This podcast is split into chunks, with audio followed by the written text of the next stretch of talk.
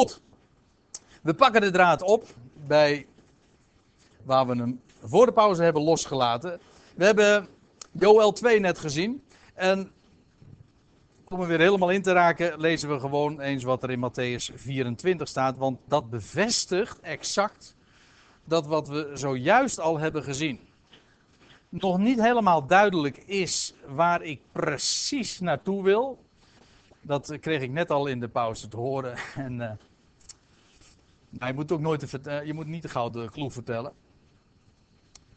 Maar in de loop van het betoog hoop ik dat zo op te bouwen en u ook duidelijk te maken. Matthäus 24, dan staat er vers 29. Het is de derde keer trouwens dat ik naar dit hoofdstuk verwijs.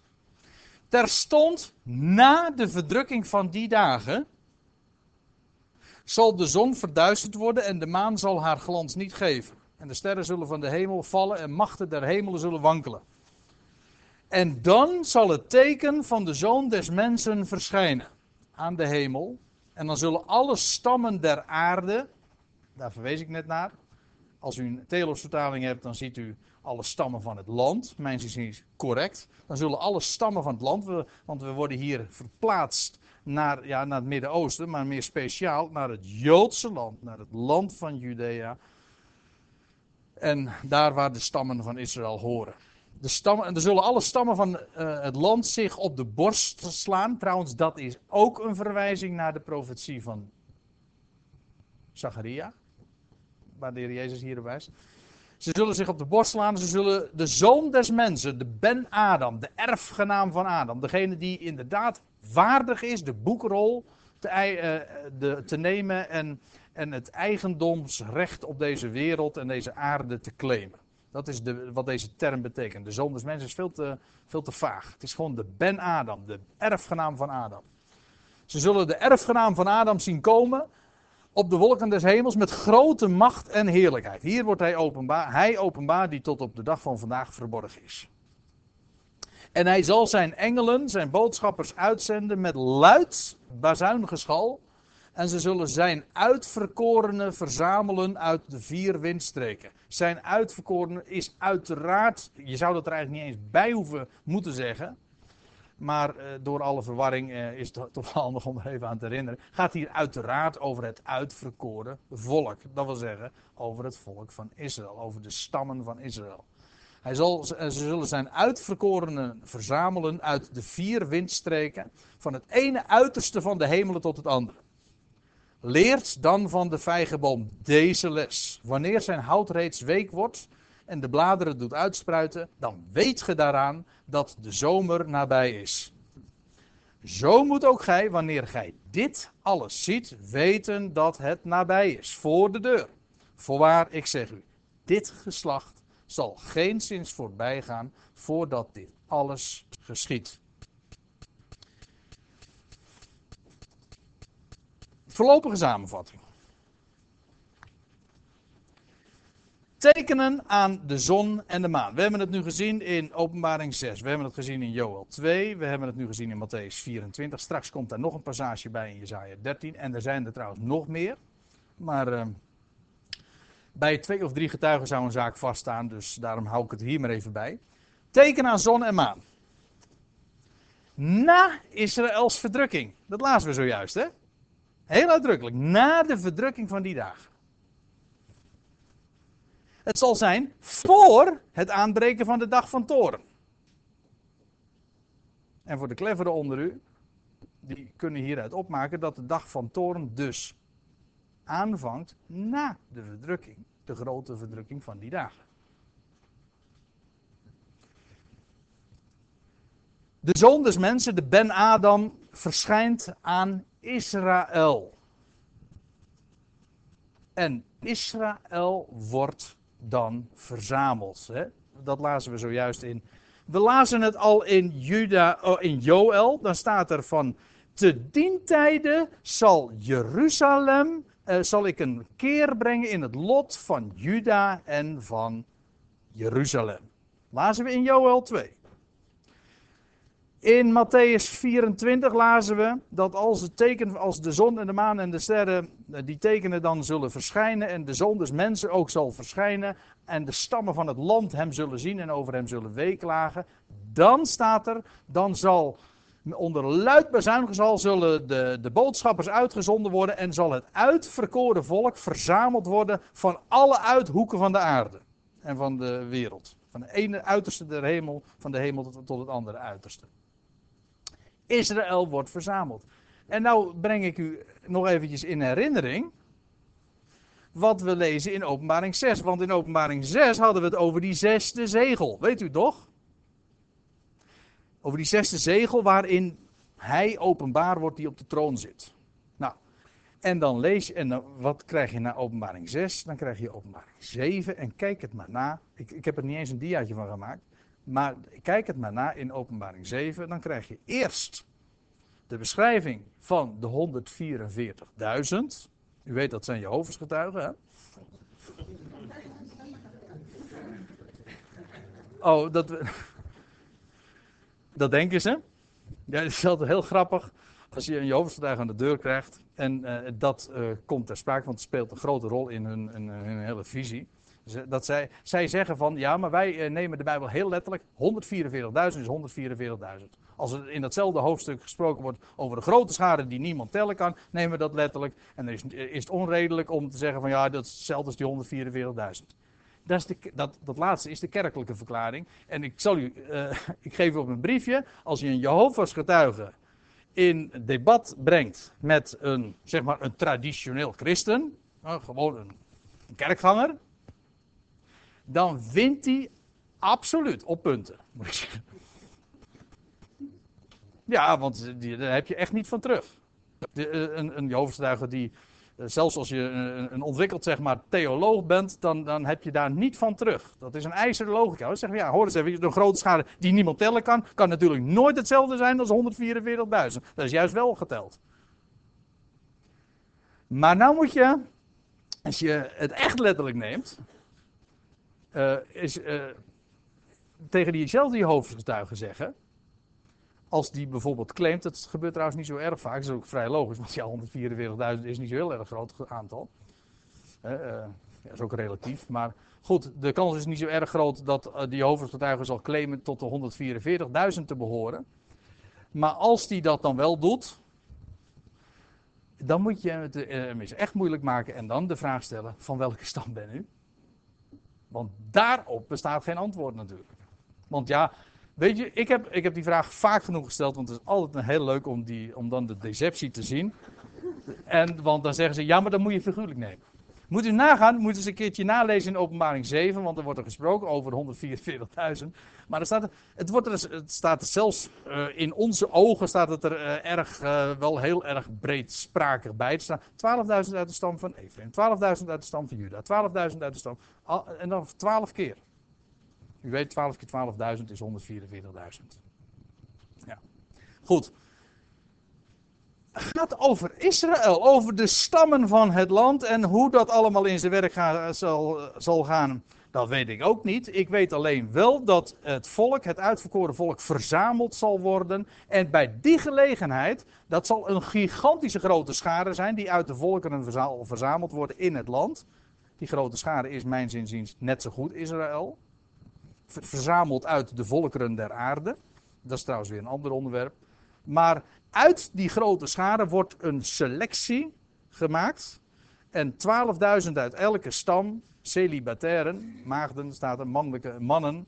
Die, uh, ja, ze, er wordt een duidelijk profiel ook van die mensen gegeven. En die mensen zullen verzegeld worden, zodat ze, dat, zij geen hinder zou. Waarom, ja, waarom worden ze verzegeld? Nou, ze, ze zouden geen hinder ondervinden van, van de plagen die de aarde alsnog zou treffen.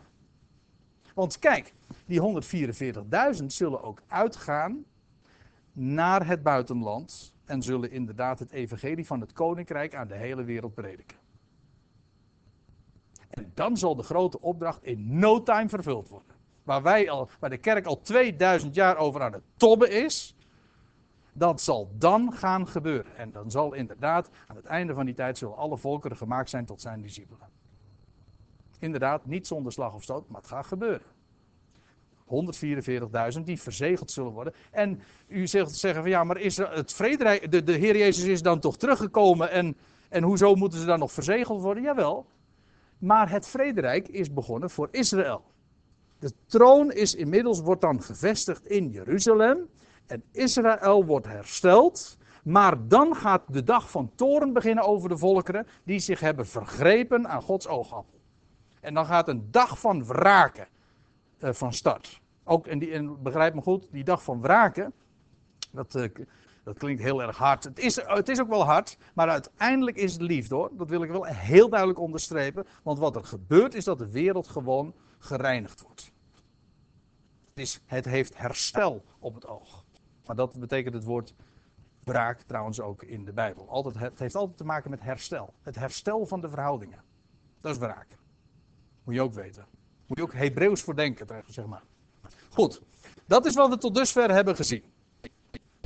Wat ik eigenlijk in deze avond ook al wil aangeven, en, en, mocht ik het straks niet meer zeggen, dan heb ik het bij deze gelegenheid alsnog, eh, heb ik het nu, al, nu in ieder geval al naar voren gebracht. Dat is dat het dus niet klopt wat je heel vaak bij, bij schrijvers leest over de, over de profetieën. Mensen als Hol Lindsey en Tim LaHaye en weet je wel, van de, met die film van de laatste bezuin en Left, uh, hoe heet die?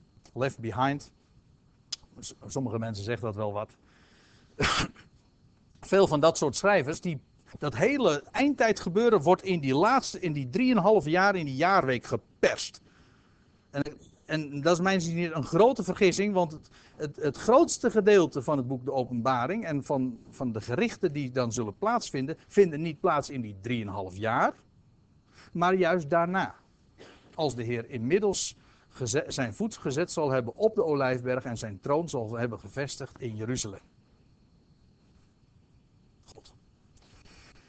Ook Jezaja spreekt van het aanbreken van die dag des Heren. Ik zal het u voorlezen, Jezaja 13. Het wordt in zekere zin eentonig, maar ik hoop dat het u inmiddels dan wel absoluut duidelijk wordt. Want uh, ik, ik, ik, probeer u niks wijs te maken. U bent gewoon, u bent, ik ga ervan uit, u bent volwassen. U moet gewoon denken wat u wilt denken. En ik zeg helemaal niet hoe, hoe, de dingen zijn. Ook al sta ik hier misschien wel heel zelfverzekerd te oreren. Moet u zich niks van aantrekken. U moet gewoon kijken van, ja, wat, wat staat er nou eigenlijk? Ik, ik reik het u aan en, en de rest is aan u. U moet het gewoon checken of het klopt. Jesaja 13. Zie, de dag des, de dag des Heren komt. Meedogenloos. Met verbolgenheid en brandende toorn. Ja, dat is geen taal van verzoening, dat geef ik toe. En toch het staat er niet, het is er niet mee in strijd. Uh, niet, want u weet het, hè, dat, dat, maar dat is wijsheid in het boek Prediker. Er is een tijd van kussen en er is een tijd om je van het kussen te onthouden. Er is een tijd van vrede en er is een tijd van oorlog. Er is een tijd van, van zwijgen en er is een tijd van. Uh, ja, nou, ik word nou uh, afgeleid ik word nou afgeleid door iets waar ik maar niets van zal zeggen wat het is. Maar... De, de schuldig is mijn vrouw. Dus als, u, dus als u wil weten hoe het zit, dan moet u het straks maar aan mijn vrouw vragen. Nee, ik ga het niet uitleggen. Dat, dat, dat is voet te ver. Maar er is een tijd om je. Uh, er staat een tijd van, van vrede en er is een tijd van oorlog. En er is een tijd van opbouw en er is een tijd van afbraak. Er is een tijd van, uh, van vrede. Er, er is inderdaad ook een tijd van toorn. Nou, die tijd is hier aangebroken. En dat is allemaal ook met het oog op. Uh, zie de dag des Heren komt, meedogenloos met verbolgenheid en brandende toren, om de aarde tot een woestenij te maken. Let erop, het zou hier ook heel goed kunnen, ik doe er geen beslissende uitspraak over, om hier te vertalen, om het land. Om het land tot een woestenij te maken en haar zondaars van haar te verdelgen. Want de sterren en de sterrenbeelden des hemels doen hun licht niet stralen. De zon is bij haar opgang verduisterd, heb je het weer. En de maan laat haar licht niet schijnen. Exact hetzelfde weer. De dag des Heren komt en wat gebeurt er? De zon wordt verduisterd bij die gelegenheid en de maan geeft haar licht niet. Of zal als een rode bal te zien zijn of zoiets. Maar in ieder geval hele duidelijke tekenen aan de hemel. De sterrenbeelden worden niet gezien. Ook in het boek Zacharia wordt daar melding van gemaakt. En dan staat er in vers 11 nog, eh, in het vervolg. Dan zal ik aan de wereld het kwaad bezoeken en aan de goddelozen hun ongerechtigheid. God gaat dus hier inderdaad de rekening leggen bij de natieën. Die zich aan zijn oogappel hebben vergrepen. Ik zeg het expres op deze manier, omdat dat namelijk ook refereert aan wat we bij de profeten lezen. In Joël wordt dat zo gezegd. Weliswaar worden die volkeren dan eerst door de Heer gebracht in het land. Maar als dan de, het, eh, het volk hem, dat wil zeggen de Heer zal hebben aangeroepen, dan zal vervolgens de Heer uh, zijn, uh, zijn wraak tonen aan de volkerenwereld. Goed. En ik zal de trots van de overmoedigen doen ophouden en de hoogmoed van de geweldenaars vernederen. Dat wil zeggen, er komt een tijd dat er gewoon gerechtigheid zal komen in deze wereld. In een wereld waar de leugen inderdaad regeert. En de trots en de hoogmoed en de mens die denkt het allemaal zelf te kunnen doen. En God gewoon wegwimpelt. Wel, God laat niet met zich spotten. En de Heer zal zeggen, er komt een dag dat de Heer zichzelf zal manifesteren en zeggen, dit ben ik. En zo zal het gaan. En dan zal hij recht gaan doen. En dan zal de hoogmoed en de, van de geweldenaars worden vernederd. En ik ja, moest kijken, en dat vind je dus echt ook bevestigd in het boek Openbaring. Ik zal de stervelingen zeldzamer maken dan gelouterd en goud van over. Dat wil zeggen, er vindt er gewoon een deci, de, hoe, zeg, hoe zeg je dat? De, de wereldbevolking wordt gedecimeerd bij die gelegenheid. Kijk het maar na in het boek Openbaring. Hele, je leest op een gegeven ogenblik over een derde van, van, uh, van de volkeren, die zullen inderdaad omkomen. Dat, Nee, ja. Klopt. Eerst een vierde en, een dan een derde. Precies, ja. ja, en, ja precies. Dat, dat is de helft. Uh, die derde die overblijft, dat verwijst weer naar Israël in het boek Zacharia. Ja. Nou, het gaat mij nou eventjes nou niet om de precieze invulling daarvan. Dat, maar uh, ik, dit is toch wel iets. Dit, dit zijn dingen die je niet moet wegvlakken. Je moet de schrift gewoon de schrift laten. De Bijbel zegt dat als inderdaad de dag des Heren aanbreekt, gewoon in deze wereld, we moeten het heel concreet voorstellen. Dan zullen er inderdaad, dan zullen er zoveel het leven laten. En ik zal, zoals hier ook staat, ik zal de stervelingen zeldzamer maken dan gelouterd goud. Zie, zie, zie je trouwens ook het positieve effect, want het is een loutering. Ja, en al het schuim wordt inderdaad weggedaan. Goed.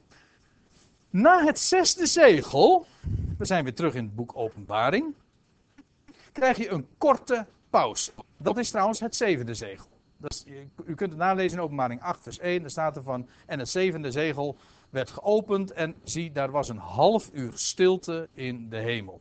Een korte pauze, maar uh, die, die pauze wordt dan vervolgens uh,